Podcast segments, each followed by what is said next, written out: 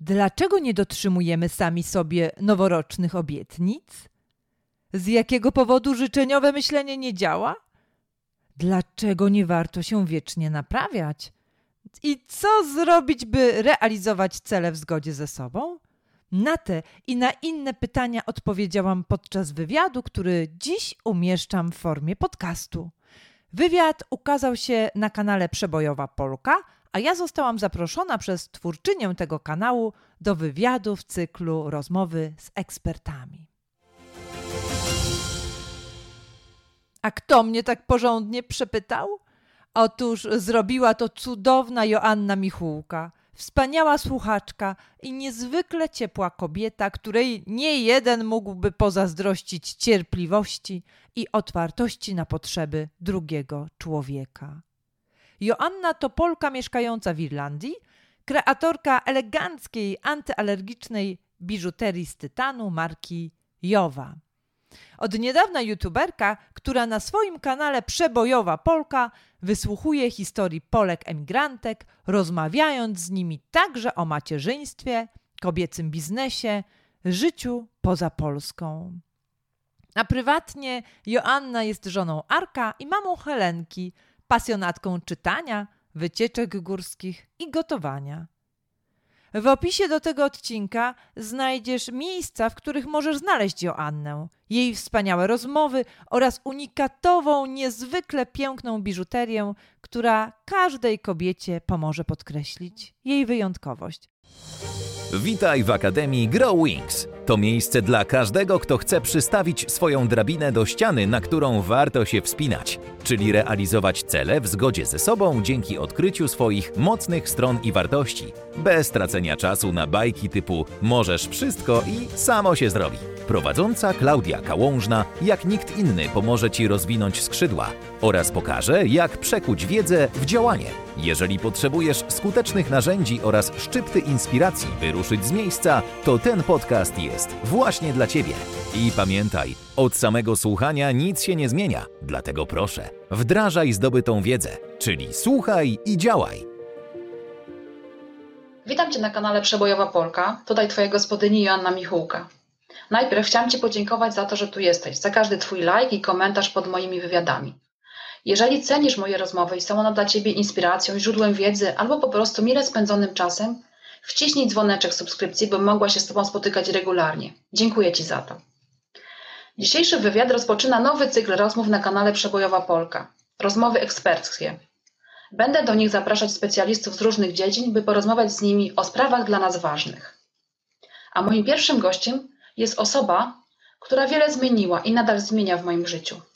Klaudia Kołążna, kobieta, która przysta e, przystawiła drabinę do właściwej ściany i założyła Growings, gdzie pomaga ruszyć tym, którzy stanęli w miejscu, by mogli rozwijać swoje skrzydła dzięki dobrze ustawionej nawigacji i lecieć w odpowiednim kierunku.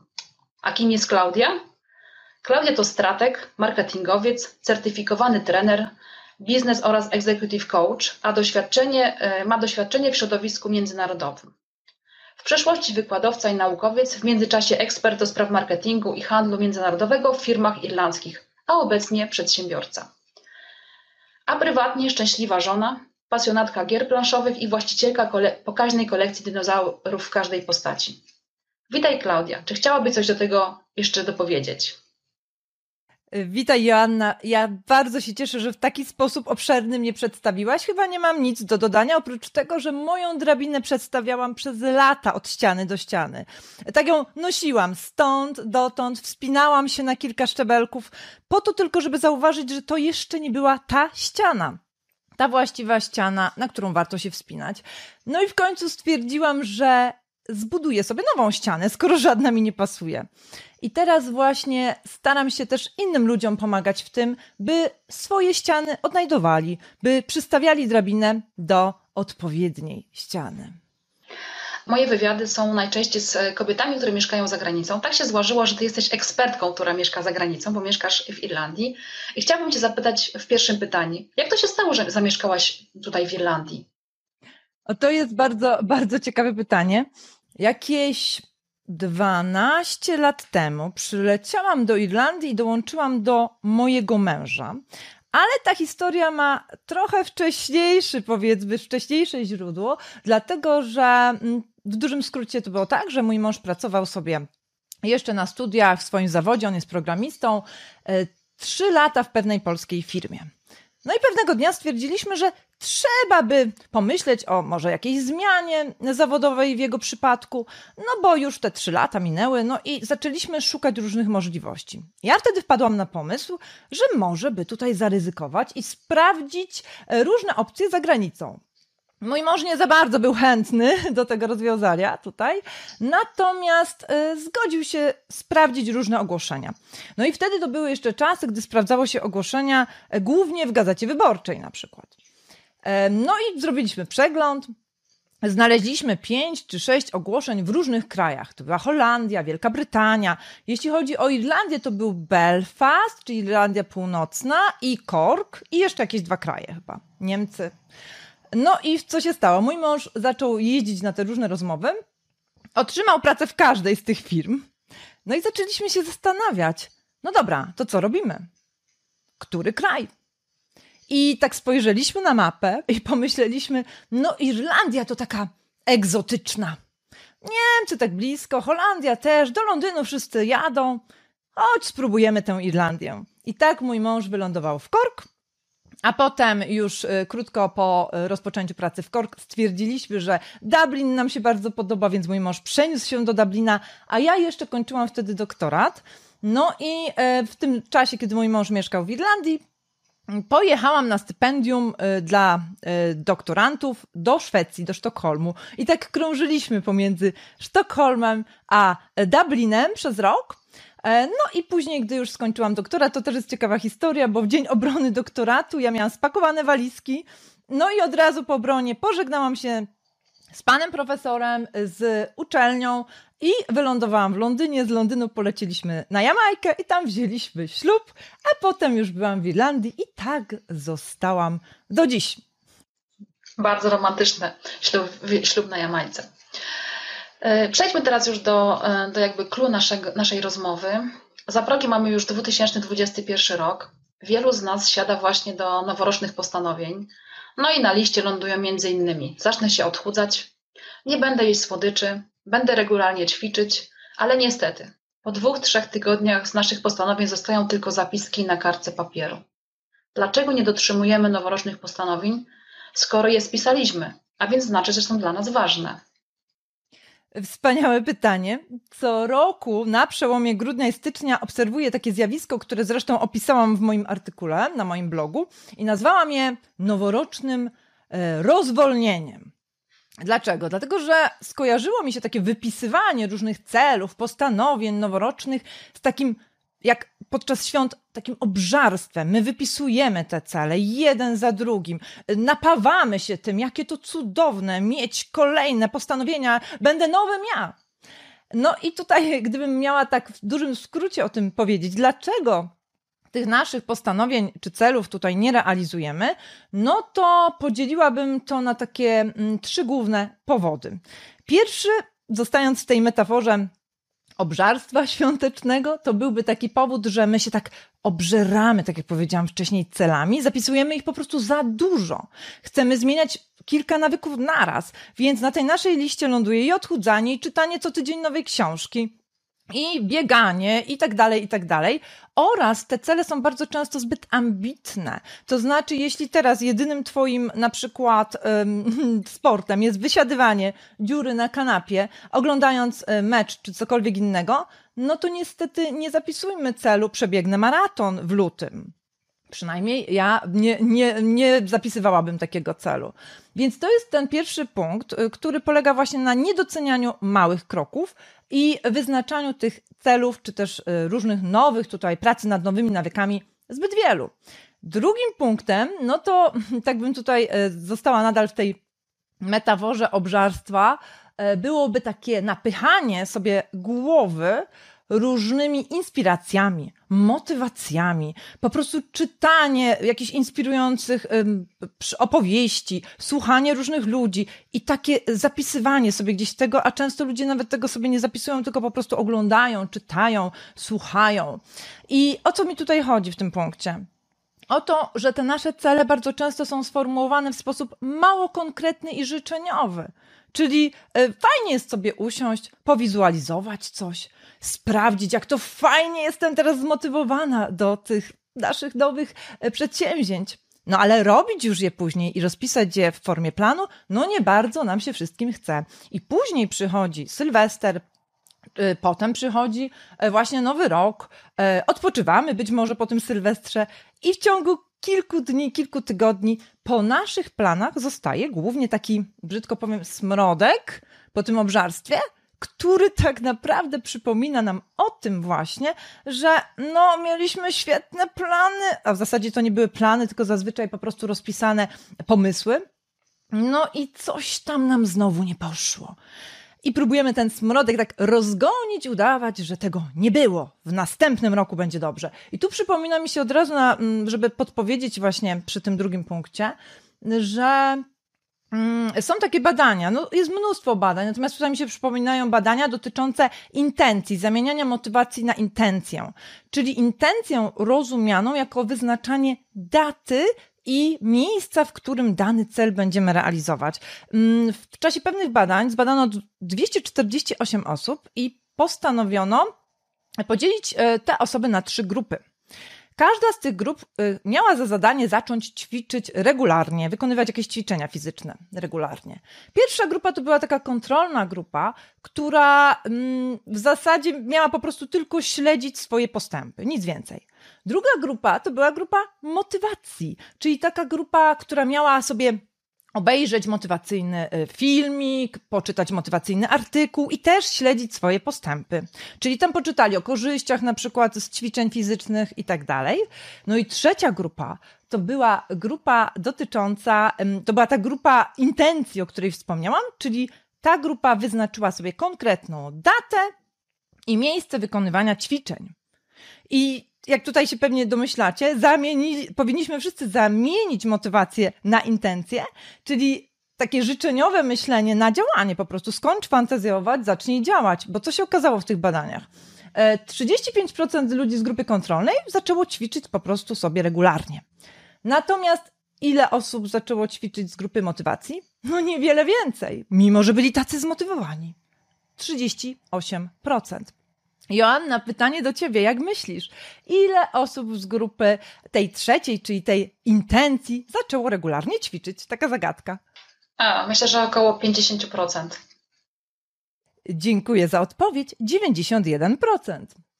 Więc Mam nadzieję, że tutaj e, to badanie może też dla każdego z nas, kto ucieka przed skonkretyzowaniem własnych celów, e, no być takim, taką pewną podstawą do zmiany stanowiska na ten temat.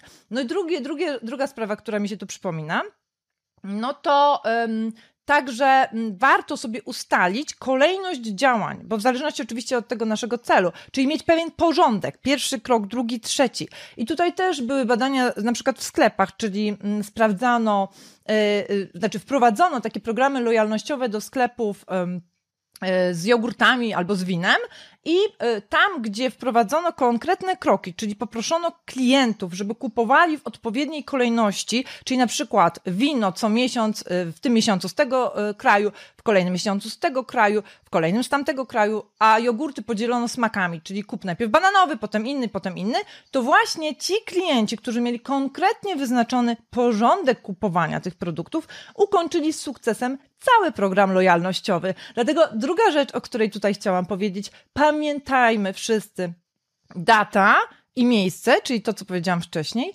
czyli intencja, zamień motywację na intencję oraz przyporządkuj tutaj kolejność, czyli to nie może być tak, że my się pewnego dnia budzimy i się zastanawiamy, dobra, no to co ja w zasadzie mam zacząć robić? No i też poruszyłam taką sprawę przy tym drugim punkcie mm, obżerania się inspiracjami i wizualizacjami i napychania sobie głowy marzeniami tak naprawdę, bo marzenie to przecież nie cel. E, I to nie jest nic złego, oczywiście, proszę mnie źle nie zrozumieć, tylko chciałam właśnie tutaj e, podpowiedzieć, e, co, co mamy zrobić, jeżeli chodzi o wizualizację. Dlatego, że ja bardzo często moim klientom proponuję wizualizację i uważam, że jest to cudowne narzędzie, pod warunkiem, że jest wykonywane bardzo dobrze, czyli w sposób, który nas wspiera, a nie w sposób, który nas krzywdzi. I tutaj e, przypominają mi się badania na studentach, którzy e, zostali poproszeni o wyobrażenie sobie wyniku końcowego egzaminu. Czyli takie właśnie typowo życzeniowe myślenie: wow, zdałam egzamin, zdałem egzamin, ale jest cudownie. No i dobra, i kolejna grupa e, poproszona została o wyobrażenie sobie wyniku tego egzaminu, jak również procesu uczenia się do tego egzaminu. Czyli mm, i wiele, i wiele innych badań potwierdziło również to, że jeśli sobie coś wyobrażamy, to wyobraźmy sobie proces dochodzenia do tego, bo to nam ułatwia naszemu mózgowi zrozumienie, że powinniśmy planować konkretne kroki. Wyobrażamy sobie po prostu, jak my dochodzimy do tego sukcesu. Czyli tutaj na przykład Steven Covey często mówi o czymś takim jak planuj z wizją końca, czyli wyobraź sobie, jakim człowiekiem na końcu swojego życia na przykład chcesz być i jak do tego dojdziesz. I tutaj y, podobnie Wyobraźmy sobie, ale nie odpuszczajmy na tym etapie, tylko rozplanujmy sobie w głowie, jak my do tego dochodzimy i rozpiszmy. Czyli znowu data, miejsce, kolejność działania. Studenci, którzy sobie wyobrażali tylko wynik egzaminu, no niestety słabo im poszło. Natomiast ci, którzy wyobrażali sobie proces uczenia, świetnie się do tego egzaminu przygotowali. Yy, dlaczego tak się dzieje? No tutaj jednym z wyjaśnień jest to, że nasz mózg nie rozróżnia czasami właśnie takiej e, wizji od rzeczywistości i e, u niektórych osób, a w zasadzie chyba już u większości z nas zachodzi taki proces, że gdy my sobie coś wyobrazimy, no to nasz mózg się strasznie cieszy z tego, że już to sobie wyobraziliśmy i, i może, stać, za, e, może się dziać takie zjawisko, że już myślimy, że tego dokonaliśmy i nie chce nam się tego robić. Po prostu. Czyli pamiętajmy o tym, żeby sobie te kroki wyobrażać. No i pewnie o takich rzeczach moglibyśmy jeszcze dużo mówić, bo Joanna, twoje pytanie to jest na w zasadzie y, kilka dni warsztatu. I jeszcze o trzeciej rzeczy chciałam powiedzieć, zostając przy tej metaforze y, noworocznego rozwolnienia, obżarstwa. Mm, no i tutaj przychodzi mi właśnie do głowy to, że często ludzie szukają jednego przepisu na potrawę, która zadowoli wszystkich. Czyli jednej metody, jednej techniki, próbują znaleźć jakiś wzorzec i mówią, jak ja u siebie go zastosuję, to na pewno już tym razem zastosuję wszystkie, no, no zrealizuję wszystkie swoje cele. No i oczywiście, że są pewne takie mm, badania, że są pewne wskazówki, o których przed chwilą wspomniałam. Natomiast moim zdaniem najistotniejsze z tego wszystkiego jest to, żebyśmy pamiętali o tym, że każdy z nas ma przecież inne cechy osobowości, każdy z nas ma inne wartości życiowe, pełni różne role życiowe, pełni, mamy różne mocne strony. I często mam wrażenie, że my zupełnie zapominamy o tym, planując właśnie nasz czy nowy rok, czy może inne przedsięwzięcia. Czyli zaczęłabym przede wszystkim od tego, aby zadać sobie pytanie, dlaczego coś jest dla mnie ważne, które z moich wartości będą spełnione dzięki temu celowi, które z moich mocnych stron będą tutaj najbardziej wykorzystane. Po co ja to w zasadzie robię? Czyli to są takie też pytania dotyczące pogłębiania samoświadomości, bo taka nieustanna procesowa praca nad sobą, która pomoże nam zidentyfikować, kim my w życiu tak naprawdę chcemy być, kim się chcemy stawać, będzie tym takim najgłębszym, wewnętrznym motywatorem, który pomoże nam nasze przedsięwzięcia w nowym roku e, zrealizować. Pomagasz pogłębiać e, świadomość za pomocą procesów coachingowych. Ponadto posiłkujesz się też narzędziem, z którego ja też skorzystałam. E, z wielkim skutkiem uważam dla mnie. To jest badaniem DISC-4D. Dlaczego zainteresowałaś się akurat tym narzędziem badawczym, a nie jakimś innym? Wiesz co, to teraz mi tak do głowy przyszło, że ja się tym akurat narzędziem e, zainteresowałam z podziwu. Z podziwu dla człowieka jego różnorodności. Bo strasznie mnie fascynuje to, że my wszyscy jesteśmy tak różni e, i tak wszyscy piękni.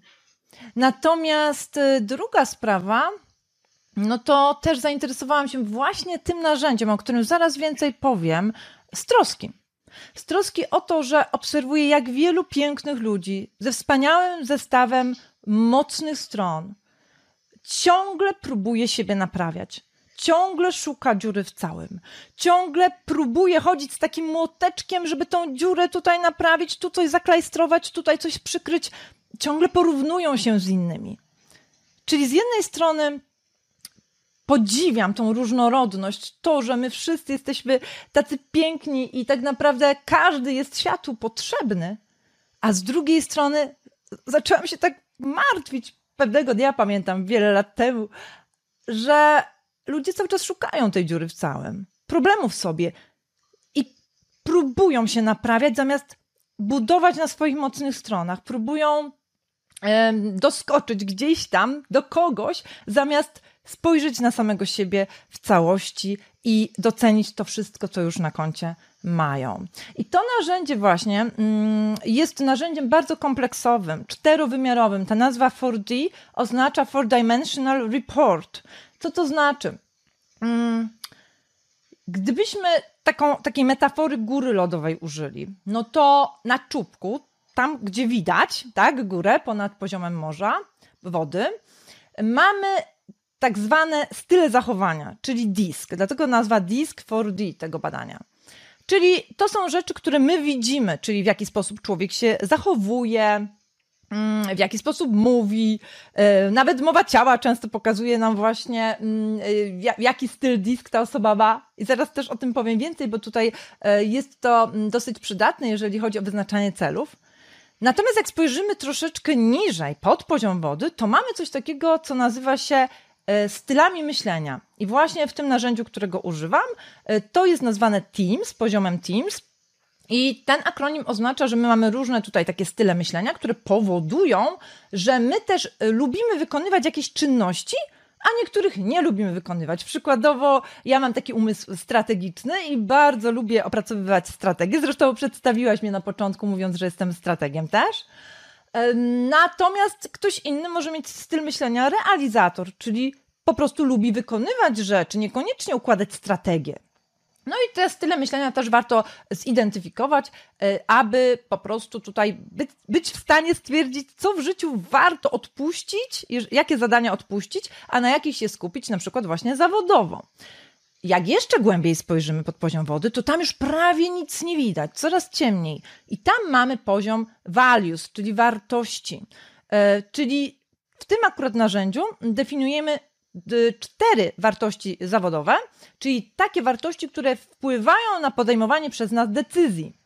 I tutaj y, czasami jest tak, że ludzie nie rozumieją, dlaczego z kimś y, mają konflikt. Z jakiego powodu perspektywa innej osoby jest jakaś taka, no, obca nam, nie podoba nam się, zaczynamy oceniać ludzi patrząc właśnie przez pryzmat naszych wartości. No i tutaj y, przykładowo y, jest coś takiego, że definiujemy taką, że niektóre osoby mogą mieć taką wartość jak niezależność. Czyli pierwsze, co sobie myślą w różnych sytuacjach, to będzie, czy mi to służy? Czy mi to służy?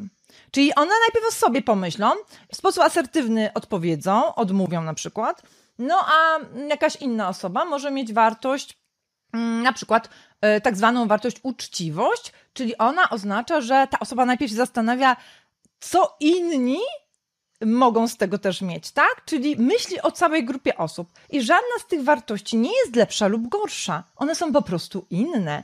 I tam właśnie o tych czterech różnych wartościach też um, przy okazji pracy z takim raportem rozmawiamy, bo to jest, na, muszę tu przyznać, najbardziej konfliktogenny poziom i w zespołach, w firmach, i w związkach partnerskich, e, w małżeństwach. I gdy docieramy do poziomu wartości, no to tutaj mamy ciekawe rozmowy. Ja się tu na chwilę zatrzymam, bo mm, powiedziałam, mamy ciekawe rozmowy, bo w tym wszystkim tak naprawdę nie chodzi o sam raport, tylko o to, żeby umieć rozmawiać o tych różnicach, potrafić zapytać drugiego człowieka: Słuchaj, powiedz mi, z jakiego powodu to jest dla ciebie ważne. Słuchaj, wiesz, ja bardzo bym chciała zrozumieć Twoją perspektywę. I zobaczcie, gdybyśmy wszyscy rozmawiali na poziomie zrozumienia drugiej osoby, a nie na poziomie oceniania drugiej osoby, to życie byłoby dużo prostsze. No i tutaj docieramy do ostatniego też poziomu, czwartego w tym raporcie DISC4D, który nazywamy BY, Behavioral Attitude Index, dotyczy to tego, co my tak potocznie nazywamy pasją, takim wewnętrznym motywatorem. Czyli wracając już teraz do pierwszego Twojego pytania, czyli pytania o cele. E, I realizację celów to bardzo tutaj przyda się też ten poziom ostatni, baj, dlatego że e, tutaj definiujemy, co jest tym takim podstawowym motorem napędowym naszych działań. Czyli przykładowo moim takim motorem napędowym jest wiedza, czyli chęć rozwoju, chęć zdobywania nowych, właściwie w zasadzie wszystkiego, nowych książek, kursów, e, wcielania też oczywiście tego w życie. Więc jeśli ja pójdę do pracy zawodowej, jakiejś, takiej już na etacie powiedzmy, i tam nie otrzymam od mojego szefa tego, mm, czyli tego, co mnie motywuje, czyli na przykład nie zapłaci za jakieś dodatkowe kursy, albo nie będę się po prostu w tej pracy rozwijać, to ja szybko z tej pracy odejdę i tak zrobiłam. Tak robiłam właśnie w przeszłości. I mm, ostatnia rzecz y, tutaj istotna jest taka, że mm, chciałabym do tego czubka góry lodowej wrócić, disk, ponieważ y, na temat właśnie disk y, wiele osób już tutaj dużo wie, bo um, pracowaliśmy nad diskiem w czasie otwartych warsztatów. I w czasie takich otwartych warsztatów, no nie mamy czasu w czasie jednodniowych takich warsztatów na przejście przez wszystkie cztery poziomy takiego raportu. E, natomiast skupiamy się właśnie na poziomie disk i on też jest bardzo ważny. Zatem wracając do Twojego pytania, dlaczego wybrałam to akurat narzędzie, a nie na przykład jakieś inne, no to mm, to narzędzie jest bardzo kompleksowe, jak widzisz. Ma cztery wymiary, pokazuje, pokazuje nam cztery wymiary naszej osobowości. Czyli szukałam po prostu takiego narzędzia, które najbardziej będzie mm, skuteczne, najbardziej pomoże mi w pracy z moimi klientami no i też mi, oczywiście, e, e, w moich tutaj różnych przedsięwzięciach. I mm, zamiast szukać tak wyrywkowo, czyli na przykład tutaj zdiagnozuję sobie same motywatory, tu sobie zdiagnozuję style myślenia, tu talenty i tak dalej, to postanowiłam poszukać takiego właśnie kompleksowego narzędzia, którym jest Disk4D. Znalazłam je w końcu. W tym momencie jestem przedstawicielem firmy People Keys amerykańskiej e, tutaj w Irlandii, gdzie mieszkam i partnerem tego właśnie, tej właśnie firmy. E, I rzeczywiście bardzo dobrze się to narzędzie sprawdza. I powiem Ci, że mm, ba z bardzo wielu innych narzędzi też korzystam. Z TakeEye na przykład, MTQ i one wszystkie są naprawdę bardzo dobre. Natomiast y, jeśli chodzi o cel, do którego ja potrzebowałam, to narzędzie, czyli diagnoza mocnych stron, usprawnienie komunikacji, y, pomoc w zmianie ścieżki kariery, to to narzędzie y, moim zdaniem jest, tak jak powiedziałam wcześniej, najbardziej kompleksowy. I oczywiście tutaj też e, wiadomo, że gdy wybieramy takie narzędzia, należy zwrócić uwagę na, mm, na to, czy to jest dobre narzędzie psychometryczne. To narzędzie jest, e, e, ma bardzo wysoką trafność, bardzo wysoką rzetelność, mówiąc tu o psychometrii. No i też nie widziałam jeszcze narzędzia tak mocno zwalidowanego jak to. E, ponieważ e, ostatnie badania w 33 krajach na 10 tysiącach e, osób zostały przeprowadzone, walidacyjne badania. I ostatnia rzecz, która, która tutaj jest bardzo istotna, no bo powiedziałam, że mm, no z troski też to narzędzie wybrałam, z troski o to, że ludzie rzeczywiście uwieszają się za bardzo na tych swoich słabych stronach, zapominając o swoich mocnych stronach, to tutaj to narzędzie bardzo mocno kładzie właśnie nacisk na to, żeby zwracać uwagę na to, w czym jesteśmy mocni, żeby przekierowywać całą swoją energię właśnie na działanie na mocnych stronach. I w porównaniu do niektórych innych narzędzi, z których korzystałam, które wiecznie pokazują tu popraw, tam napraw, tu niedobrze, to narzędzie rzeczywiście wzmacnia potencjał e, klienta, czy danej osoby, e, czy menedżera, czy, czy osoby, która dla siebie prywatnie takie narzędzie wykonuje. I tutaj mi się przypomina, mówiąc o tym podziwie, o tej trosce, e, cytat świętego Augustyna, który mówił o tym, i teraz parafrazuję, że ludzie podziwiają góry, oceany, różne krajobrazy, a sami siebie nie podziwiają. Sami o sobie zapominają, tak? I to, to, to bardzo mocno gdzieś mi utkwiło w głowie już dużo, dużo lat wcześniej. I tak myśląc o właśnie takiej pracy, z takim kompleksowym podejściem, y, na mocnych stronach, z takimi narzędziami właśnie psychometrycznymi, za każdym razem zwracam uwagę na to, mm, czy mój klient będzie szedł do przodu z takimi rozpostartymi skrzydłami, czy raczej usiądzie i powie: O nie, tego nie mam, tamtego nie mam, tu chciałbym być inny. Nie. Cała zasada pracy takiej nad sobą to jest zobacz różne odcienie swoje, sprawdź, jakie masz style myślenia i jak się zachowujesz w różnych sytuacjach. I co cię tak naprawdę w środku mobilizuje, motywuje, nadaje kierunek twoim działaniom i jakie wartości tam są. I zintegruj to ze sobą. Tak doceń samego siebie w całości i wtedy możemy iść dalej i cele wyznaczać jeszcze lepiej. E, ja tutaj mogę się tylko z tym zgodzić, bo sama e, przeszłam to, mm, to badanie e, we wszystkich, że tak powiem, aspektach, we wszystkich tych poziomach, o których mówiłaś. I na pewno ono bardzo wspiera osobę, jeżeli doświadczysz informacji o sobie i dowiesz się tego wszystkiego. Bardzo, bardzo wspiera. Ale ja chciałabym wrócić do czegoś innego. Chciałabym wrócić na czubek tej góry lodowej, o której Ty mówiłaś, i, chciał, i chciałam Cię poprosić, żebyś nam powiedziała, jakie są cztery podstawowe style osobowości, o których mówi Disk na tej samej górze. Mhm.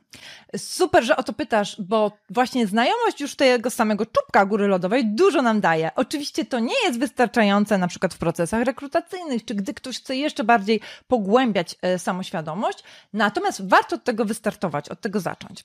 Czyli mm, powiedziałabym to w takim dużym skrócie, e, żeby każdy z Was, kto ogląda, sobie teraz pomyślał, e, czy zazwyczaj skupia się na zadaniach czy na relacjach. Czyli każdy teraz e, widz niech sobie może zapisze, czy jest raczej zadaniowcem, czy raczej dba o relacje. Czyli przykładowo dzieje się coś w firmie, e, przykładowo jakiś kryzys, albo trzeba szybko zadziałać, to co robisz najpierw?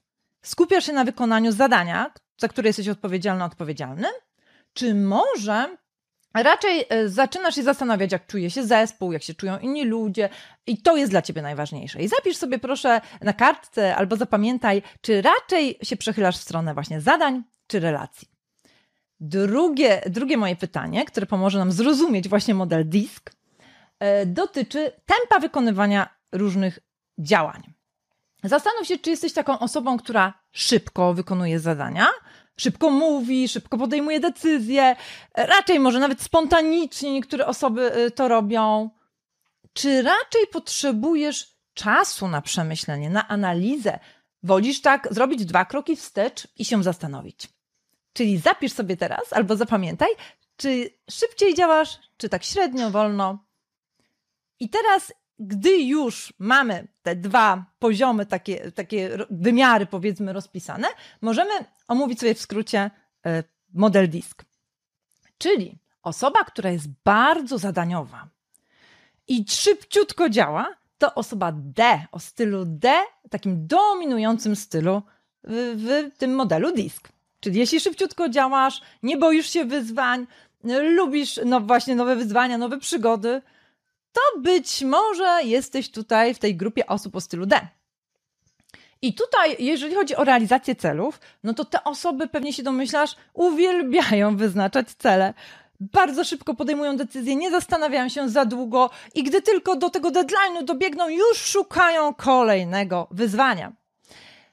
Potem mamy osoby o stylu I, i tutaj te osoby mm, to są takie osoby, które są inspirujące, z angielskiego też takie inspiring, influential, wpływają na swoje otoczenie poprzez to, że są bardzo relacyjne i też szybko działają. Czyli jeżeli jesteś osobą bardzo relacyjną, działasz szybko, do tego masz świetne poczucie humoru, jesteś optymistą, optymistką, to być może masz w sobie bardzo duży udział tego stylu i. Dlaczego mówię bardzo duży udział? Dlatego, że, i tu wrócę jeszcze na chwileczkę, zanim pójdziemy dalej do podstaw, e, w 1928 roku twórca tego modelu, William Moulton Marston, napisał taką książkę o emocjach e, e, normalnych ludzi. Było to ewenementem, dlatego że w tamtych czasach raczej myślano, zastanawiano się, badano różne anomalie, tak? Badano, no, tak zwanych, jak to się mówiło wtedy, no, od, o, to coś, co odbiegało od normy. Natomiast Marston zaczął przyglądać się, w jaki sposób ludzie wyrażają swoje emocje w swoich zachowaniach. No, taka przeciętna społeczna, jak wygląda, tak? Przeciętnie, jak wygląda rozkład e, różnych zachowań w społeczeństwie. No i on tutaj właśnie wyróżnił te cztery style i zatrzymałam się na chwileczkę, żeby powiedzieć bardzo ważną rzecz. My nie możemy segregować ludzi, czyli dzielić, okej, okay, ty jesteś D, ty jesteś I, ty jesteś coś tam. E, albo jakieś kolorki, zwierzaczki i tak dalej. To wszystko jest przydatne podczas warsztatu, to wszystko jest przydatne, żeby zrozumieć te style. Natomiast my nosimy wszyscy e, w sobie wszystkie cztery te style, tylko że w różnym natężeniu. I dlatego tutaj poczyniłam tę uwagę, żeby już od razu, jak się zastanawiasz, na przykład teraz, jak mówię, czy to jest, e, jestem bardziej relacyjny, bardziej zadaniowy, no kurczę, trochę relacyjny, trochę zadaniowy, żebyś zwróciła, zwrócił uwagę, że możesz w różnych sytuacjach życiowych inaczej się zachowywać i innego stylu bardziej lub mniej używać. Więc wróćmy do tych osób relacyjnych o stylu I. E, te osoby bardzo spontanicznie bardzo często działają, więc jeśli myślisz o swoich celach na kolejny rok, to tutaj chciałam czerwony alarm e, wrzucić, ponieważ to osoby właśnie o stylu I bardzo dużo mają pomysłów, rzucają tymi pomysłami, ale niekoniecznie chcą je rozpisywać jakieś tam plany i je realizować. Więc tutaj, moi drodzy, wszyscy, wszystkie osoby o stylu I, no dla Was taka najważniejsza porada, znajdź kogoś, kto będzie w stanie z Tobą usiąść i pomóc Ci to rozpisać. Może być to jakiś... Mm, kolega, przyjaciel, partner i tak dalej, który po prostu będzie ci tak, ciebie tak troszeczkę pilotował. E, pamiętaj, żeby, że, że, że to planowanie dla, dla stylu I jest bardzo stresujące. Osoby o stylu I nie lubią struktur, procedur. Natomiast i dlatego tak ważne jest właśnie to, żebyśmy zrozumieli, po co my dane cele realizujemy, bo jeśli zrozumiemy po co, to nawet osoby o stylu I będą e, w stanie to zrobić, bo znam takich osób sporo. I teraz y, zatrzymam się też trochę na statystyce. Osoby o stylu D, te dominujące, często to są też liderzy na przykład w firmach, no to mamy takich osób 3%, czyli nie za wiele. Natomiast osób o stylu y, I, o stylu mm, y, takim bardzo ekspresyjnym, relacyjnym, optymistycznym, mamy 11%. I teraz przejdźmy dalej. Ja tu celowo ominę na chwileczkę styl S, E, bo to pamiętamy, styl disk, D i SC. Przejdę do stylu C. Osoby o stylu C to są osoby, które kładą bardzo duży nacisk na jakość i wszystko, co robią, jest zrobione no, niemal perfekcyjnie. No te osoby bardzo często mogą niestety wpaść w taką w taki chory perfekcjonizm. I ja kiedyś w taki perfekcjonizm wpadłam, dlatego że mam bardzo wysoki styl C. Te osoby uwielbiają pilnować szczegółów i pewnie jak się domyślasz, no takie osoby y, będą planować bardzo szczegółowo swój y, kolejny rok e, i nie tylko rok, wszystko co robią w zasadzie. Tylko uważajcie, moi drodzy, żeby nie planować dla samego planowania, żeby nie przeplanować pewnych rzeczy i żeby w ten chory perfekcjonizm nie wpaść. Czyli takie osoby o stylu C mogą mieć tendencję do po prostu takiego zagrzebywania się w szczegółach. I tych osób mamy w społeczeństwie 17%.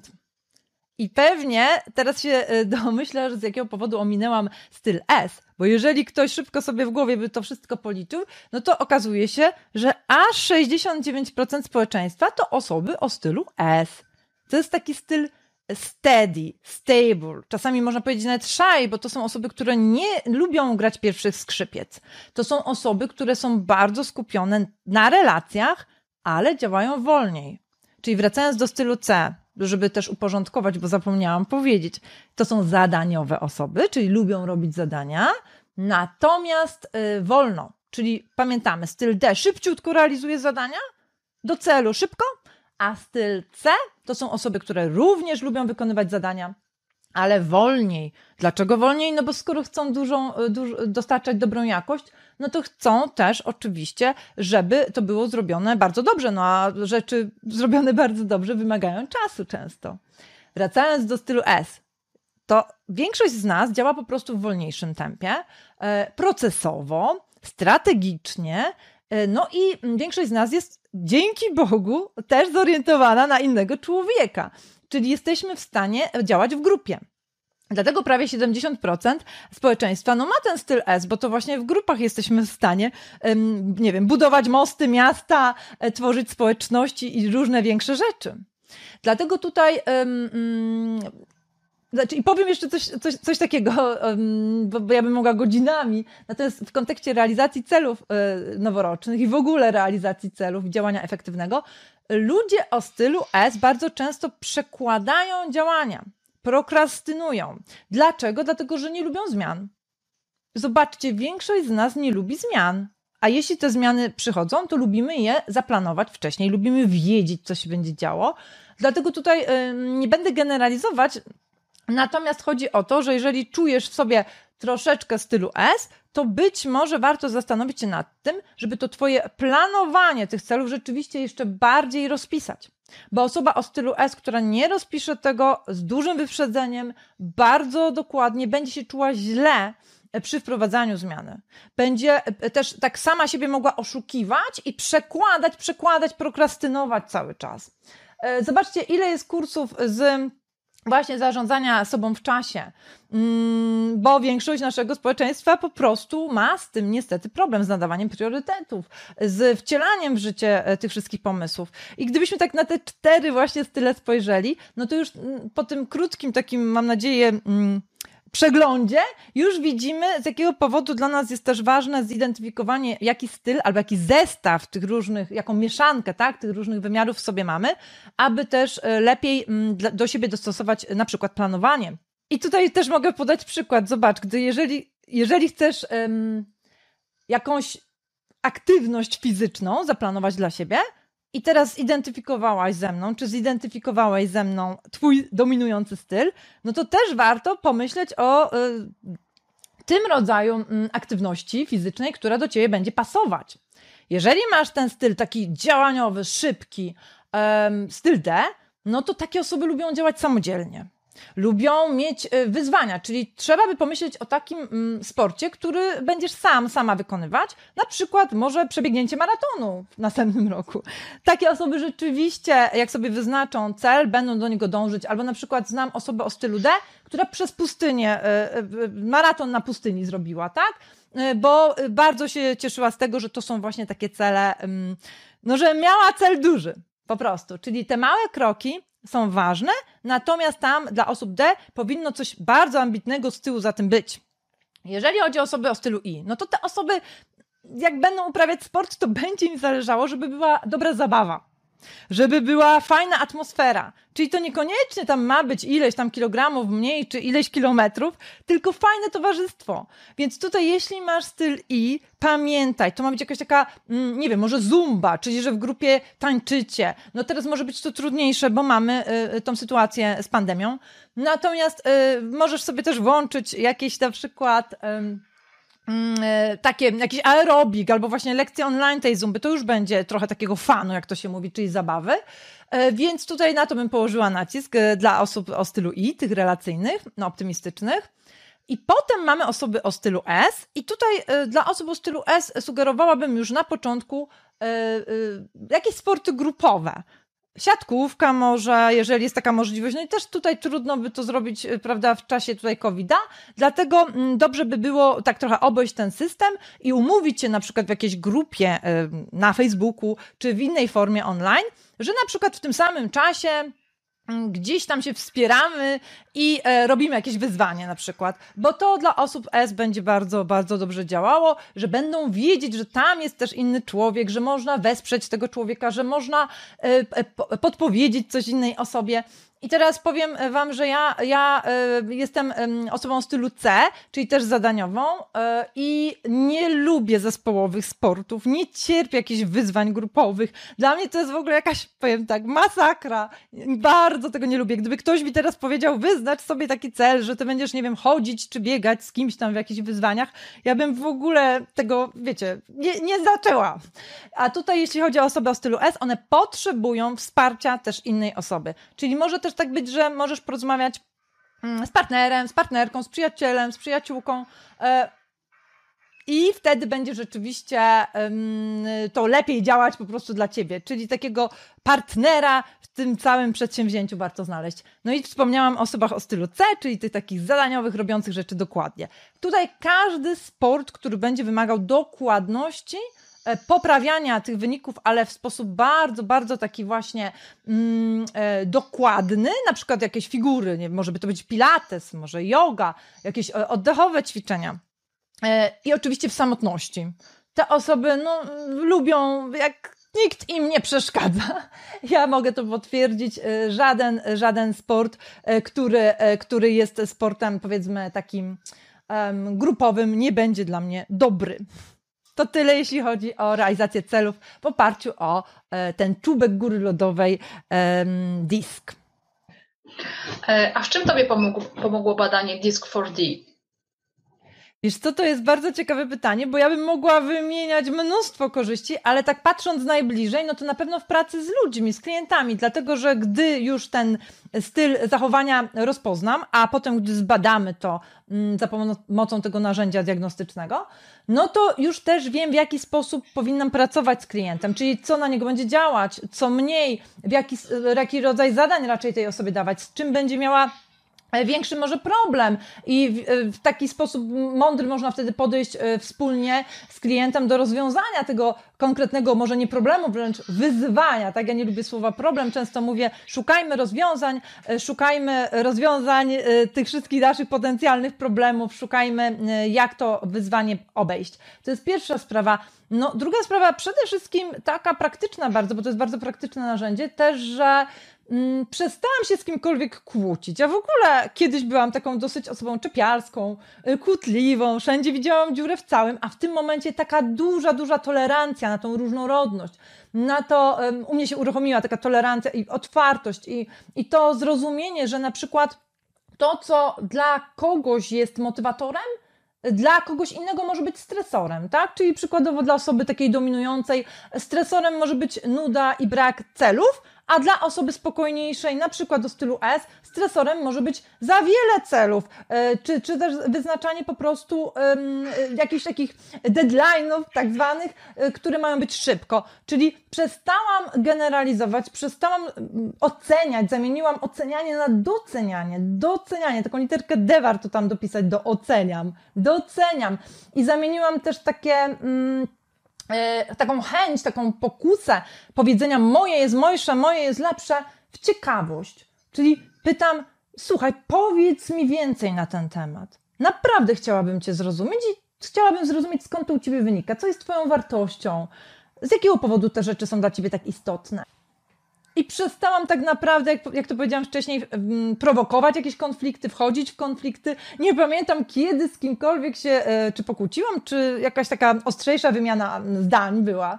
Więc e, sam, sam ten czubeczek góry lodowej, o, którym, o który pytałaś, disk, to jest takie narzędzie nazywane językiem zachowań, czyli bardzo praktyczne narzędzie też do wzmacniania komunikacji, czy to w rodzinach, czy w zespołach, w firmach. Ale potem jeszcze tak zauważyłam kilka dodatkowych, e, jakbym z każdego z tych poziomów czterech miała Ci powiedzieć, e, korzyści. No to przykładowo, mm, ja nie mam wymiaru S, jeżeli chodzi o disk. Kiedyś nie rozumiałam ludzi, którzy lubią pracować w zespołach. Ja wiem, że brzmi to dziwnie, natomiast ja nawet to się tak obawiałam bardzo takiej pracy w zespole. Nie rozumiałam sama siebie, z jakiego powodu. E, I kiedyś robiłam sobie takie wyrzuty, y, że nie potrafię pracować w zespole. Oczywiście inaczej, potrafię, ale nie lubię. I że w różnych firmach y, szuka się osób, świetny team player tak zwany. A ja tego nie byłam w stanie w CV moje wpisać, dlatego że ja nie czuję się świetnym graczem zespołowym, bo ja naprawdę nie lubię pracy w zespole.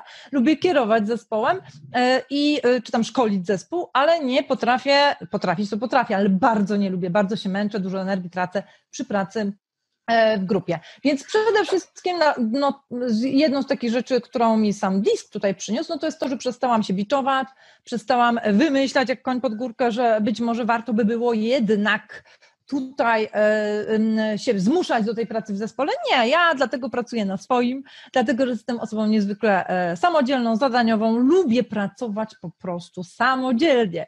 Więc to mi tutaj pomógł z tym na pewno poziom disk. E, jeśli chodzi o poziom e, stylów myślenia, e, czyli ten Teams, o którym wcześniej wspominałam, no to wspomniałam wcześniej, że mam taki wysoki dość poziom stratek. Osób z takim poziomem myślenia stratek jest mniej niż 10%. Mm, I tutaj zrozumienie tego pomogło mi w takiej większej otwartości i zrozumieniu też tego, że inni ludzie mają prawo mieć inaczej, mają prawo myśleć w inny sposób, mają prawo chcieć wykonywać inne zadania. O co mi tutaj chodzi? Od dziecka już pamiętam taką sytuację, że wydawało mi się, że kurczę, no to jest takie łatwe, to tak łatwo te kropki można połączyć. Dlaczego inni tego nie widzą? Ja bardzo strategicznie o wielu rzeczach myślałam. Tak samo o firmach, że na przykład ja widzę u kogoś coś, że ten ktoś może zarabiać pieniądze na tym czy na tamtym, no a ta osoba jeszcze tego nie widzi. Kiedyś bym się wściekała, mówiła, o Boże, jak można tego nie widzieć? Jak, dlaczego tak, tak ktoś inny inaczej na to spogląda?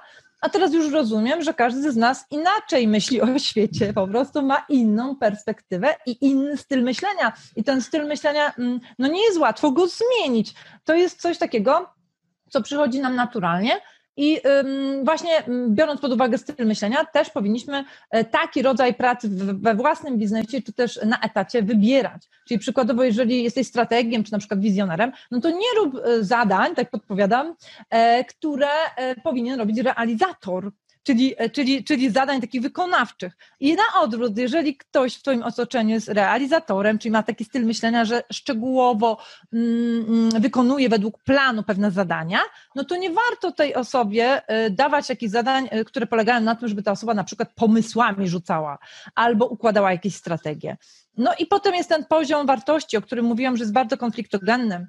I tutaj powiem taką historię, bo ja mam taki, taki, taką wartość dość rzadką, która nazywa się równość. Czyli chodzi tutaj o to, że ja bardzo szanuję poglądy innych ludzi, e, opinie innych ludzi, pod warunkiem, że oni szanują również mnie w całości. I bardzo łatwo wpadałam kiedyś w, taki, mm, w taką wręcz złość, smutek, jeśli ktoś mnie nie szanował i moich poglądów, albo widziałam, że ktoś nie szanuje innej osoby. I doszło do takiej kuriozalnej sytuacji, kiedy e, w restauracji w Gdańsku pan właściciel bardzo źle traktował swoją pracownicę, a ja wstałam E, I na cały głos z tej restauracji, po prostu z góry do dołu powiedziałam, znaczy nie, że, no nie, nie pojechałam go, ale powiedziałam bardzo asertywnie, bardzo konkretnie, że moja noga tutaj więcej nie postanie, że w taki sposób traktowania pracownicy w ogóle jest nieakceptowalny. Mam nadzieję, że nikt więcej do tej restauracji nie przyjdzie. No i e, zebrałam tam, pamiętam, oklaski w tej restauracji, usiadłam taka zestresowana i potem e, mówię, aha, aha, to ta moja równość się odezwała. Ja po prostu nie mogłam znieść um, traktowania w zły sposób tej pracownicy przez szefa. E, I teraz rozumiem, coraz bardziej rozumiem, jak mi się uruchamia taka złość wewnętrzna, czy taka frustracja, że to ta moja wartość mnie kopie, że ona tam kopie i mówi, zrób coś z tym. Dlatego tak ważne jest też głębokie zrozumienie właśnie swoich wartości, bo one naprawdę wpływają na nasze zachowania w taki sposób czasami niespodziewany. E, I kolejna, kolejny poziom, ten ostatni, dotyczący naszych najgłębszych motywacji, no to ja już o nim troszkę wspomniałam, że mam taki wysoki poziom wiedza. Czyli, że na przykład jak przyjdzie do mnie szef i powie, e, o masz tutaj awans, to mniej mnie to zmobilizuje, niż to, że on mi powie, masz tu fajne szkolenie. E, I ja wtedy e, po prostu wezmę to szkolenie, uradowana, pojadę na szkolenie. Czyli ja nie mam takiego, e, takiego motywatora jak władza czy też wpływ. Natomiast, mimo że mam, wiele osób mówi, że mam taką silną osobowość, natomiast kompletnie mnie nie mobilizuje awans na przykład. E, I też się kiedyś zastanawiałam nad tym, jak to jest w zasadzie. Ja realizuję te moje cele i tak dalej, ale nie, tak samo w biznesie. No, nie interesuje mnie jakaś rywalizacja, bycie liderem rynku i bardzo mocno teraz to mm, w sobie noszę, że to po prostu jestem ja. Bardzo lubię merytorykę na przykład. A druga sprawa, mm, tam w tym poziomie ostatnim raportu jest też taki w BAJ, czyli w tych naszych pasjach, jest y, też taki wymiar, który się nazywa wewnętrzny spokój. Ja mam go bardzo wysoko. I to oznacza, i to mi też dało takie, takie poczucie, że jestem mm, na dobrym miejscu y, w mojej pracy, to oznacza, że to są takie osoby, które lubią balans życiowy, balans między y, powiedzmy głową, ciałem, duchem, emocjami, y, balans w różnych sferach, ale także osoby, które szukają większego sensu życia, odkrywają y, wartości, odkrywają bardzo, chcą, chcą prawdy pewnej o życiu i lubią tą prawdę, większego sensu szukają i te osoby bardzo lubią dostarczać wartość innym. I tak sobie kiedyś siedziałam i myślałam, gdy tak się zastanawiałam, no co ja tym, tym ludziom, z którymi współpracuję, najbardziej daję. No i okazało się, że rzeczywiście po tych przemyśleniach, po tym, co oni mi mówili, ten wymiar wewnętrzny spokój, czyli dawanie innym wartości, y, y, widać gdzieś, tak się tutaj e, pochwalę, e, też w pracy e, mojej takiej na co dzień z klientem. I, i, i wiesz, kiedyś mój mąż mówi, dlaczego tak siedzisz tą czwartą godzinę zamiast dwie? I to nie jest dobre. A ja mówię, no bo wiesz, ta osoba tyle skorzystała. E, I ja to robię właśnie dlatego, że ten mój wewnętrzny spokój, z jednej strony balans, a z drugiej strony chęć dania tej wartości, przeważa nad wieloma innymi tymi moimi wewnętrznymi motywacjami. Jak gdy ja to zrozumiałam, ja po prostu jeszcze bardziej te wszystkie cztery poziomy u siebie, nie jeszcze bardziej zaakceptowałam moją różnorodność, taką unikatowość. Bo tutaj e, ważna rzecz, o której chciałam wspomnieć, bo pytałaś też z jakiego powodu to narzędzie? Powiedziałam, że jest kompleksowa, czyli chodziło mi też o to, że tam nie ma czegoś takiego, że segregujemy sobie osoby w jakieś tam pudełeczka, tylko mamy 1440 możliwych kombinacji, 1440 różnych profili. Każdy z nas jest tak inny, że każdego z nas, że tak powiem, trzeba rozpatrywać indywidualnie, a nie wrzucać w jakieś takie szufladeczki. W obecnych czasach wiele Wiele osób czuje się zagubionych, szczególnie teraz w okresie pandemii. Y, mamy za dużo informacji, które nas, do nas docierają. Gubimy się w tym wszystkim. Nie wiemy, w którą stronę mamy iść, tak? Tutaj y, followujemy tą osobę, za chwilę inną, za chwilę inną, tak? Y, jak ty uważasz, czy prawidłowe wyznaczenie swoich wartości może być takim życiowym drogowskazem, taką busolą dla nas? Bardzo mi się podoba ta metafora busoli. Ja też jej często używam, bo sobie tak czasami myślę, że jak jesteśmy takim statkiem, który odpływa od portu za daleko, to tam gdzieś jest jakieś światło, powiedzmy światło latarni. I ta latarnia nam przypomina, że tam wróć, wróć w tym odpowiednim kierunku. No i y, powiedziałaś o busoli, czyli też ta busola mówi, tu, tu jest ten twój kierunek, taki przypominacz, prawda? I y, tak, dla mnie, wiesz, y, podstawą pracy ze sobą, podstawą pracy z ludźmi, czy z biznesami, czy z karierami jest e, wystartowanie, e, jakby zbudowanie fundamentów, czyli właśnie wyznaczenie, odkrycie, nazwanie, zdefiniowanie e, systemu wartości. I u mnie, ja, ja często o tym mówię, w sypialni wisi taka lista moich wartości mam definicję tych wszystkich wartości, czyli konkretnie wiem, co one dla mnie oznaczają i wiele decyzji życiowych, które podejmuję, w zasadzie wszystkie moje decyzje, które podejmuję, podejmuję z tą listą. Czyli po, po, podpowiadam naszym um, oglądaczom, słuchaczom, żeby może spróbowali wyznaczyć sobie 10 rzeczy, które um, są dla nich naprawdę w życiu najważniejsze. I zróbcie to proszę tak z serca, z intuicji, nie z głowy. Zastanówcie się o rzeczach, które, o których być może, wiecie, zapomnieliście. I one gdzieś tam są, tylko zapomnieliśmy czasami o nie zadbać, bo często mówię, że człowiek powinien sobie przypomnieć, kim jest, nie odkrywać na nowo, budować i tak dalej, ale przypomnieć sobie, kim ja tak naprawdę jestem, co mnie pasjonuje, co jest dla mnie w życiu ważne. I spróbujcie sobie to e, zacząć rozpisywać, zastanawiać się nad tym. To oczywiście mm, robi się w taki sposób dość e, zaawansowany, czyli że niektóre osoby trzy miesiące próbują zdefiniować te swoje wartości za pomocą różnych ćwiczeń i tak dalej. Natomiast na początek proponuję wystartować z takimi refleksjami samodzielnymi. I później, gdy przychodzi moment trudnych decyzji, czy też łatwiejszych decyzji, ale po prostu mamy moment, gdzie jesteśmy na rozdrożu, na przykład zmiana pracy, pójście na swoje, e, wyprowadzka, przeprowadzka, no to pierwszym takim punktem startowym, naszym punktem, takim, z którego mamy zacząć, jest e, spojrzenie na te nasze wartości jak na taki checklist, czyli taką listę, na której mamy odhaczać po kolei na ile wartość z pierwszego miejsca, bo to też ważne, żeby sobie nadać priorytety i, i, i napisać, ok, to jest dla mnie najważniejsze, na przykład, nie wiem, rodzina, czy miłość, czy kreatywność, czy bezpieczeństwo finansowe i bardzo, bardzo wiele innych wartości tutaj możemy y, napisać, na przykład estetyka. I czy ta konkretna decyzja spełnia tę pierwszą wartość, pomaga się rozwijać tej wartości na, na, na, na czubku tej naszej listy? Potem idziemy do drugiej wartości, zastanawiamy się, czy ta decyzja wesprze rozwój tej mojej wartości, czy ją podepta. Czyli innymi słowy, warto sobie zadawać nawet takie pytania bardzo takie, mm, no można powiedzieć, e, e, mm, kontrastujące ze sobą, czyli na ile rozwinę skrzydła i moja wartość rozwinie skrzydła, a tym samym ja, bo ja jestem utkana, utkany z moich wartości, ja się rozwinę, jeżeli taka decyzja zostanie podjęta, a na ile będę zdeptana, zdeptany poprzez tę decyzję. Każde jakby zrobienie, zrobienie czegoś wbrew sobie, wbrew swoim wartościom jest jak strzelanie sobie w kolano. Albo takie przycinanie się do świata i znikanie stopniowe. Więc dla mnie mm, tak, y, nasze wartości powinny być podstawową busolą, jak to pięknie nazwałaś, e, i też takim mądrym wyznacznikiem właśnie mm, no nie tylko takim przypominaczem, ok, oddalasz się od twojego kierunku, ale też takim właśnie mądrym wyznacznikiem, mądrym narzędziem do podejmowania decyzji. Oczywiście tych narzędzi mamy bardzo dużo, ale zachęcałabym do wypróbowania właśnie e, podej tego podejścia, czyli zaczynam od siebie, od moich wartości, od mojego sensu życia, od tego, jakim człowiekiem ja tak naprawdę chcę być i czy te różne decyzje życiowe wspierają rozwój mnie jako tego człowieka, e, którym ja pragnę się stać bądź być. I myślę sobie, że w kontekście wyznaczenia naszych celów to też może być bardzo pomocne, bo jeżeli wyznaczymy nasze cele przez wartości, to łatwiej będzie nam e, tych cel, te cele osiągnąć i dotrzymać tych swoich obietnic, na przykład noworocznych. Tak? E, myślę, że to może być dla nas bardzo, bardzo pomocne.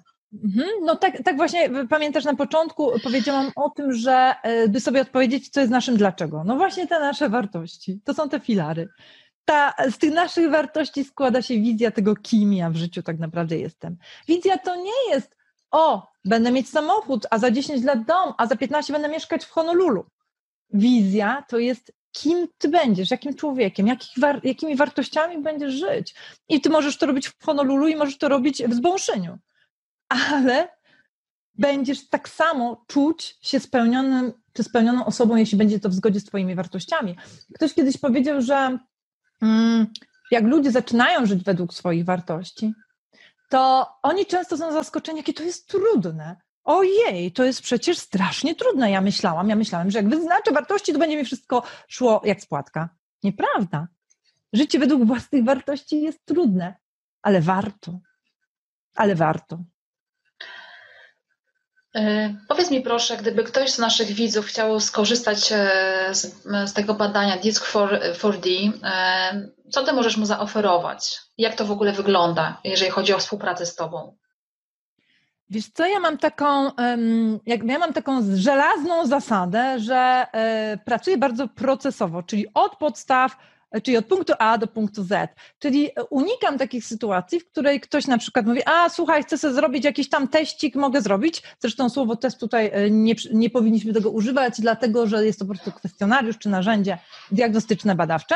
I mówię o, tu, o, o tym dlatego, że bardzo często przychodzą do mnie e, klienci z różnymi już wydrukami różnych kwestionariuszy, różnych raportów i tak dalej. E, wrzucili je do szuflady i nie wiedzą zupełnie, co z tym zrobić. E, albo po prostu, no coś tam sobie zrobiłam, nic nie pamiętam, ja się pytam, jak to w życiu żyje, ale to nie żyje. Więc ja mm, postanowiłam już mm, jakiś czas temu, że będę proponować taką pracę kompleksową, procesową. I na czym ona polega? Pracuję mm, albo indywidualnie, albo grupowo, od tego zacznę. Czyli jeżeli ktoś chciałby zacząć odkrywać swoje mocne strony, wartości i y, no, i tym samym skutecznie realizować swoje cele zawodowe czy też osobiste, to y, proszę do mnie napisać w sprawie pracy indywidualnej lub tej grupowej. I teraz tak, indywidualna praca, no to ja zazwyczaj sugeruję taką pracę e, w sesjach kilku, od jednej do nawet dwunastu, gdzie właśnie na pewnym etapie robimy taki kwestionariusz DISC. Dlaczego mówię na pewnym etapie? Dlatego, że najważniejsze jest to, aby człowiek sam doszedł do wielu rzeczy, aby sam zaczął odkrywać swoje wartości, zrobił serię ćwiczeń, narzędziowo bardzo, a potem sobie jako taką wisienkę na torcie dołożył ten, tą całą wiedzę z 34-stronicowego raportu i tam możemy pogłębiać świadomość, tam możemy bardziej dojrzale już do tego podchodzić, możemy w praktyce używać takiej wiedzy. Natomiast jeżeli komuś bardzo zależy na tym, żeby jednak nie, no, nie, nie robić tych tam innych dodatkowych rzeczy, które bardzo sugeruję, żeby jednak zrobić od podstaw, to y, można do mnie napisać i ja wtedy y, proponuję zrobienie takiego kwestionariusza z kilkoma, trzema, czterema sesjami, y, podczas których konkretnie przechodzimy przez wszystkie części i e, jakiś taki plan działania jesteśmy w stanie wtedy stworzyć. Można to zrobić w czasie jednej sesji również, natomiast ja tego nie, e, nie polecam, dlatego że jest to potężne, wspaniałe narzędzie i chciałabym, żeby każdy je dobrze zrozumiał i używał po prostu w życiu, tak?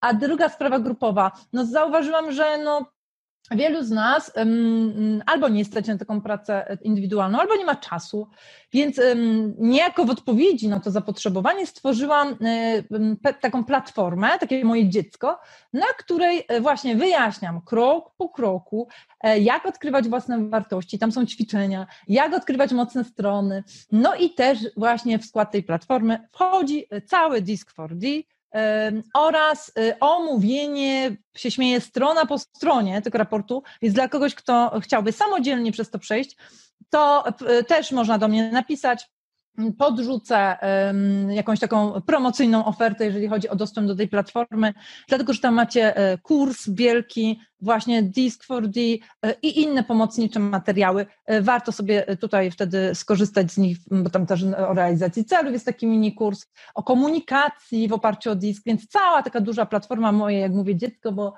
nosiłam się z zamiarem zrobienia tego dla moich klientów już dawno, dawno temu, a na jesień tego roku to wypuściłam i pierwsza edycja takiego kursu już była. Dlaczego mówię, że pierwsza edycja? Bo to jest ta trzecia forma pracy.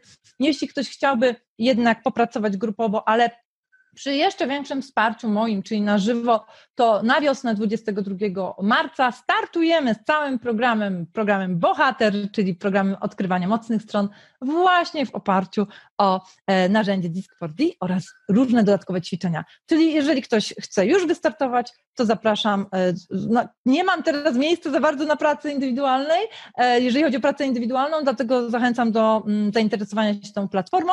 A, i ważna rzecz, moi drodzy, ja jak widzę czasami takie różne kursy nagrane, no to zawsze mówię, tam potrzebne jest wsparcie na żywo.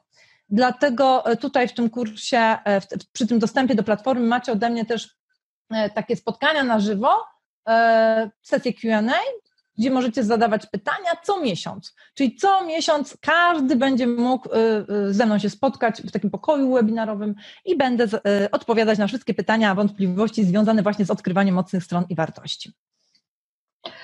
E, co jest dla, dla Twoich klientów największym wyzwaniem podczas pracy z Tobą? No i właśnie tutaj wracamy znowu do punktu wyjścia. Myślę, że właśnie odkrycie e, dekalogu swojej wartości. Dlatego, że wymaga to bycia uczciwym samemu ze sobą. E, wymaga to dotrzymywania samemu sobie też obietnic. Co mam tu na myśli? Jeżeli te wartości są dobrze zidentyfikowane i zdefiniowane, a potem schowane do szufladki, i potem na przykład osoba rozwija swój biznes, czy też um, chce zmienić karierę i nie zagląda do swojej wartości i nie wyznacza każdego swojego celu w oparciu o te wartości, no to mamy prokrastynację, mamy później um, odkładanie rzeczy, taką wewnętrzną frustrację, która mówi ojej, ojej, ja coś tu chcę, a nie mogę tego zrobić, więc y, wróciłabym znowu do fundamentów. Bycie uczciwym po prostu samemu ze sobą, nie ze mną tylko, bo to jest, to ja jestem obok ja sobie tam idę, kroczę jako taki towarzysz, przyjaciel i myślę, że, że, że właśnie to, spojrzenie sobie w lustro i powiedzenie y, robię wszystko w pełnej zgodzie ze sobą. E, na koniec proszę Cię bardzo, podziel się jakąś swoją ulubioną książką, filmem, podcastem, poleć coś naszym, naszym widzom. Okej. Okay. Wiesz to, to nie wiem, czy będę, nie będę zbyt chyba taka oryginalna, bo ja w kółko mówię o mojej ulubionej książce. Dwie podam, bo one tak jakby y, dotyczą tego samego. E, jest to oczywiście mój ukochany Steven Covey, mm, z którego zaczerpnęłam tą metaforę drabiny, czyli wchodzenia, przystawiania drabiny do odpowiedniej ściany, na którą warto się wspinać. Czyli Steven Covey i siedem nawyków skutecznego działania, pod warunkiem, że ktoś tę książkę czyta w ten sposób, w jaki powinna być czytana, jako podręcznik. Nie tylko czytam, ja wykonuję te rzeczy, które tam są, to wtedy tak, to tę książkę polecam, to jest taka Biblia wręcz, wielki podręcznik e, z ćwiczeniami i potem można przejść też do innych mm, książek Koweja, e, jak na przykład najpierw rzeczy najważniejsze. Natomiast powiedziałam o drugiej książce. Mm, każdemu polecam raz w życiu zajrzenie do książki Wiktora Frankla Człowiek w poszukiwaniu sensu. Dlatego, że i Kowej, i Frank, do którego zresztą Kowej się odwołuje, E, mówią w zasadzie, jakbym tak bardzo, bardzo w dużym skrócie mogła powiedzieć o wyborze, o proaktywnym podejściu do życia, o tym, że jest pewien bodziec, jest pewna reakcja i ja jest, mam pomiędzy tym bodźcem a tą reakcją mój wybór. To ja mam wybrać, co ja zrobię i mam zacząć działać w sferze mojego wpływu, a nie w sferze tutaj e, wpływu, która leży poza moim wpływem i mam po prostu tutaj się mocno skupić właśnie na swoich mocnych stronach, na tym, co mi służy, a nie na tym, jak to często my robimy, tak? Zamartwianiu się czymś, na co kompletnie wpływu nie mamy. Jeśli chodzi o film, to ja za bardzo nie mam ulubionego filmu, więc pod, podrzucę po prostu taką e, krótką formę, którą też pewnie wielu już z Was zna. Nazywa się Cyrk Motyli. E, możecie sobie znaleźć to na YouTubie. E, e, krótkometrażowy, chyba 20 minut film, taki na myślenie, bym powiedziała, re, taki refleksyjny. Bardzo fajnie teraz pewnie na przełomie roku będzie e, można go obejrzeć. E, I kolejna sprawa, podcast bardzo wiele podcastów słucham.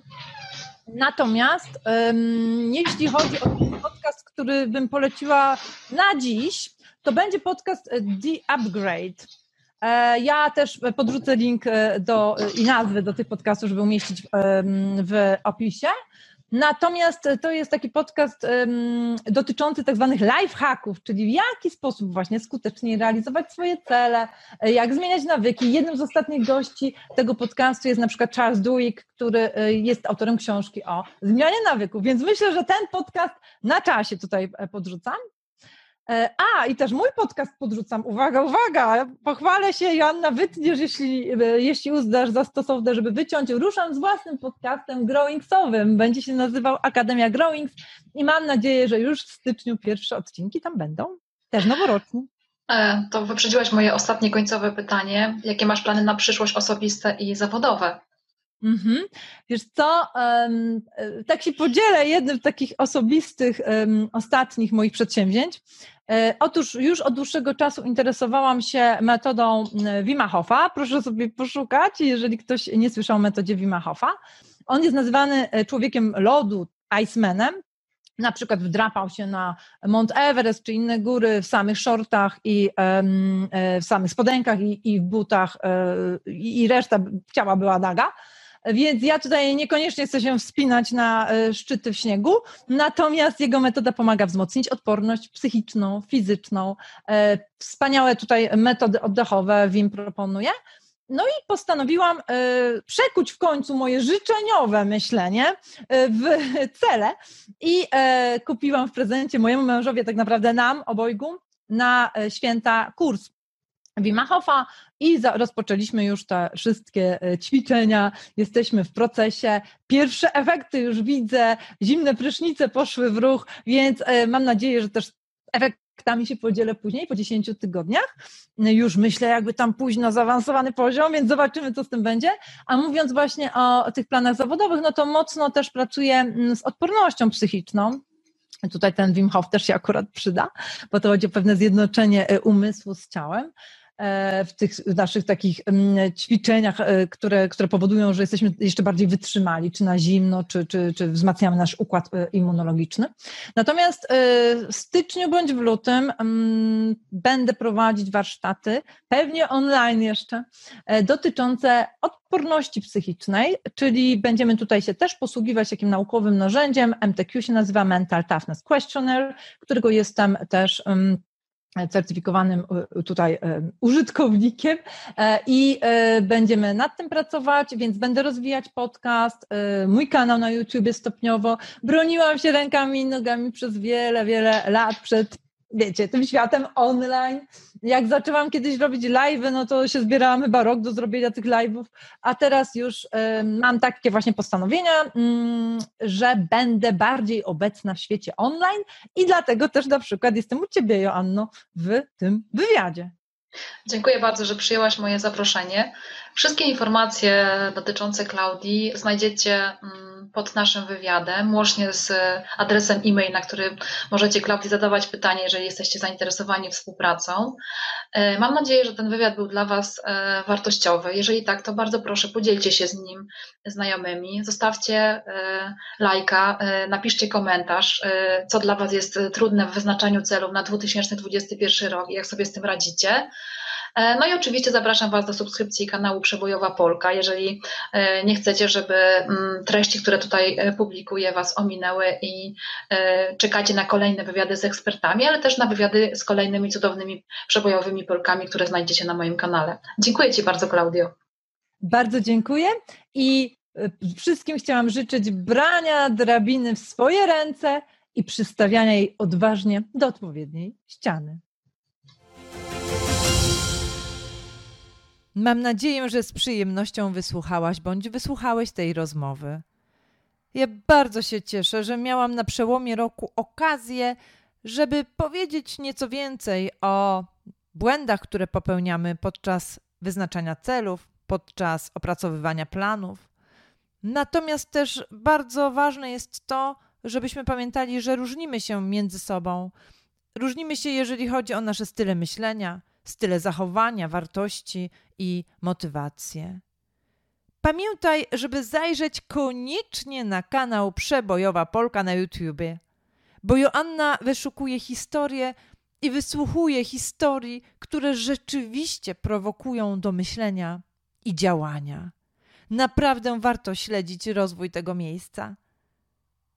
A jeśli zabierzesz dla siebie coś wartościowego z jakiegokolwiek z odcinków mojego podcastu, jeśli coś cię sprowokuje do działania lub myślenia, daj koniecznie znać.